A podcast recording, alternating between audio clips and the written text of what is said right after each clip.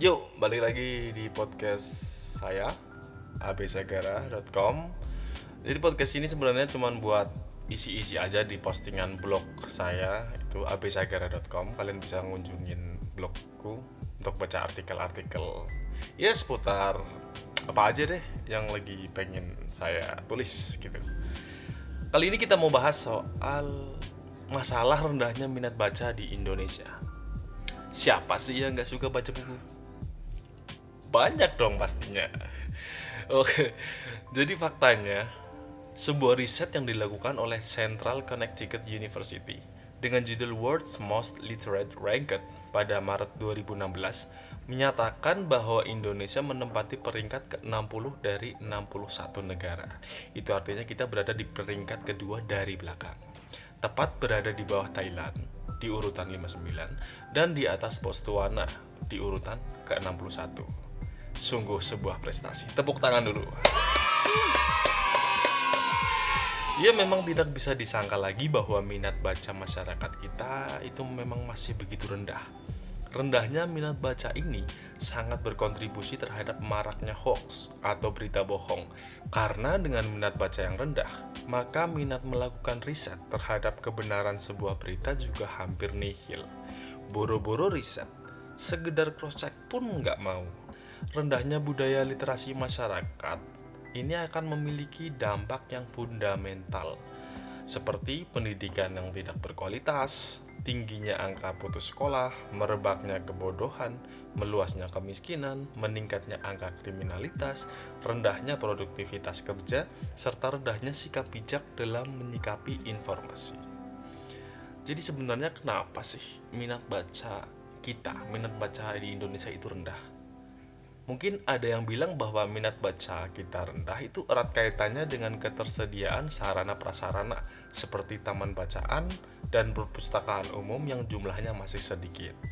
Faktanya mungkin tidak demikian. Data dari Perpusnas menyatakan bahwa jumlah perpustakaan di Indonesia itu justru menempati peringkat kedua terbanyak di dunia dengan jumlah total 164.610 perpustakaan kita cuma kalah dari India yang menempati peringkat pertama dengan jumlah perpustakaan 323.000 sekian. Kita juga berada di atas Rusia dan Cina. Itu Rusia di posisi ketiga, Cina di posisi keempat. Keren kan? Uh, perpustakaan kita juara dua coy. Jumlah total perpustakaan di Indonesia ini terbagi jadi empat. Yang pertama perpustakaan umum, kedua perpustakaan sekolah, ketiga perpustakaan tinggi dan keempat itu perpustakaan khusus yang terbanyak itu tentunya perpustakaan sekolah ya karena di Indonesia itu ada ratusan ribu sekolah. Jumlah perpustakaan yang ada di Indonesia ini memang bisa dikatakan belum sebanding dengan jumlah sekolah serta populasi masyarakat Indonesia yang begitu banyak. Tetapi itu tidak bisa menjadi alasan rendahnya tingkat literasi kita. Lihat saja Cina, dengan populasi lebih dari 1 miliar dan jumlah perpustakaannya jauh di bawah kita, tingkat literasinya kok mampu menempati posisi ke-39 menurut riset dari Connecticut University di atas. Memang sebuah ironi sih, di mana jumlah perpustakaan kita terbanyak kedua di dunia, tetapi minat pembacanya justru menempati peringkat kedua dari belakang. Hmm Kenapa bisa begitu ya? Hal ini mungkin dikarenakan perpustakaan yang ada di Indonesia ini tampil tak lebih sebagai dekorasi dan kepatutan saja. Dengan jumlah pengunjung setiap harinya itu bisa dihitung dengan jari. Sementara perpustakaan sekolah dan kampus hanya dikunjungi untuk mengerjakan tugas. Sangat jarang yang datang ke perpustakaan dengan niat cuma ingin baca buku. Buku apa pun itu. Jumlah perpustakaan yang ada juga tidak sebanding dengan jumlah pustakawan sebagai tenaga pengelola. Berdasarkan data yang didapat pada hasil e, rapat kerja pusat Perpusnas pada 28 Januari 2020 lalu, jumlah tenaga pustakawan yang ada di Indonesia itu cuma sekitar 3.596 orang. Itu ibarat satu orang pustakawan harus mengelola 46 perpustakaan. Minimnya pustakawan ini menyebabkan perpustakaan hanya berfungsi sebagai gudang buku saja, sehingga minim upaya aktif jemput bola untuk mendorong masyarakat membaca lebih banyak buku. Padahal salah satu fungsi dari pustakawan itu adalah menciptakan program-program untuk mendorong minat baca masyarakat. Mungkin upaya yang paling dikenal masyarakat adalah program perpustakaan keliling. Tapi apakah itu cukup? Sementara itu, Bukan rahasia lagi bahwa kita sebagai negara berkembang masih memprioritaskan pertumbuhan ekonomi lebih dari apa pun. Hal ini tercermin dari masyarakat Indonesia yang masih berpikiran lebih baik nyari duit daripada baca buku. Pikiran yang nampaknya realistis ini telah membudaya dan sangat berkontribusi terhadap kecilnya minat baca masyarakat. Mahalnya harga buku juga ikut menjadi faktor yang membuat masyarakat, khususnya kelas menengah ke bawah, enggan baca buku. Mungkin mereka akan berkata, "Nah, mending buat beli makan daripada buat beli buku. Gitu kan. Nah solusi untuk masalah klasik sosial ekonomi ini sebenarnya adalah perpustakaan. Tetapi kembali lagi jika tidak ada yang mendorong masyarakat untuk membaca maka walau ribuan perpustakaan didirikan pun itu tidak akan ada gunanya saat sebuah keluarga tidak mau meluangkan waktu untuk membaca, maka lingkungan di dalam keluarga tersebut juga memiliki peluang yang sangat kecil untuk memiliki budaya membaca. Nah, sebaliknya, orang tua yang gemar membaca biasanya akan menurunkan kegemarannya tersebut kepada anak-anaknya, sehingga terciptalah sebuah budaya membaca di dalam keluarga. Hal ini juga berlaku di sebuah masyarakat. Taruhlah dalam lingkup yang paling kecil yaitu rukun tetangga atau RT. Ketika di sebuah RT terdapat taman bacaan yang diikuti oleh partisipasi masyarakat untuk membaca, maka hal tersebut akan berpengaruh positif terhadap minat baca masyarakat di lingkungannya. Membaca dapat menjadi sebuah tren baru di masyarakat seperti halnya fashion, karena manusia cenderung akan meniru apa yang dilakukan oleh lingkungannya. Kemudian ada soal gawai ini atau gadget yang ikut mempengaruhi rendahnya minat baca kita. Dulu kita menghabiskan waktu dengan membaca, seperti membaca koran atau majalah atau apa pun itu untuk uh, menghabiskan waktu-waktu senggang kita. Sekarang, sebagian besar dari kita menghabiskan waktu senggang dengan menatap layar handphone berjam-jam.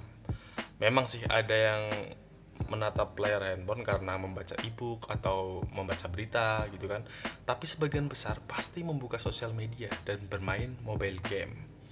Menurut data dari PBB, Perserikatan Bangsa-Bangsa, pengguna aktif sosial media di seluruh dunia per tahun 2020 adalah sebesar 3,8 miliar. Tentunya itu bukan angka yang sedikit karena hampir separuh dari populasi manusia yang ada di dunia. Populasi manusia di dunia itu sekitar 7,8 miliar. Sementara itu, rata-rata waktu yang dihabiskan untuk sosial media adalah 144 menit per hari. Gawai beserta kemutakhiran teknologi internet memang sangat membantu kita dalam berkomunikasi, mencari informasi, serta menghibur diri. Tetapi gawai juga menjadi sumber distraksi utama minat baca kita. Kecepatan dan kemudahannya semakin membuat kita menginginkan hal-hal yang serba instan. Contohnya nih ya, alih-alih membaca keseluruhan sebuah berita, kita justru lebih sering membaca judulnya saja dan menyimpulkannya sendiri tanpa mengerti isi dari keseluruhan berita yang sebenarnya. Mudahnya mencari informasi apa pun di internet juga turut mempertajam laju grafik malas membaca kita. Tinggal ketik apa yang ingin dicari di Google dan sejurus kemudian keluarlah semua informasi yang kita mau dalam bentuk tulisan, gambar, ataupun video tanpa proses panjang dan berlipat dari yang namanya membaca buku atau artikel-artikel yang relevan untuk mendapatkan sebuah informasi.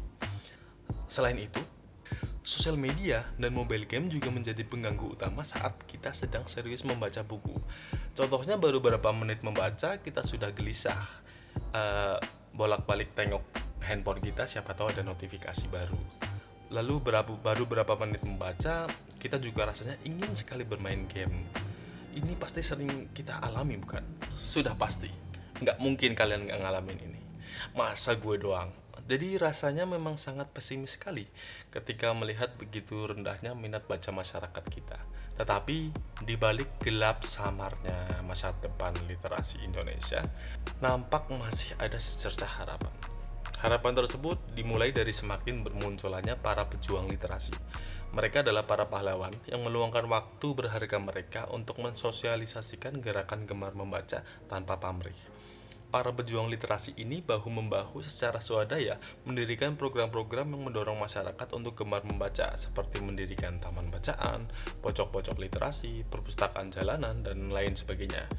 Usaha-usaha melek literasi ini bahkan banyak yang diinisiasi oleh anak muda.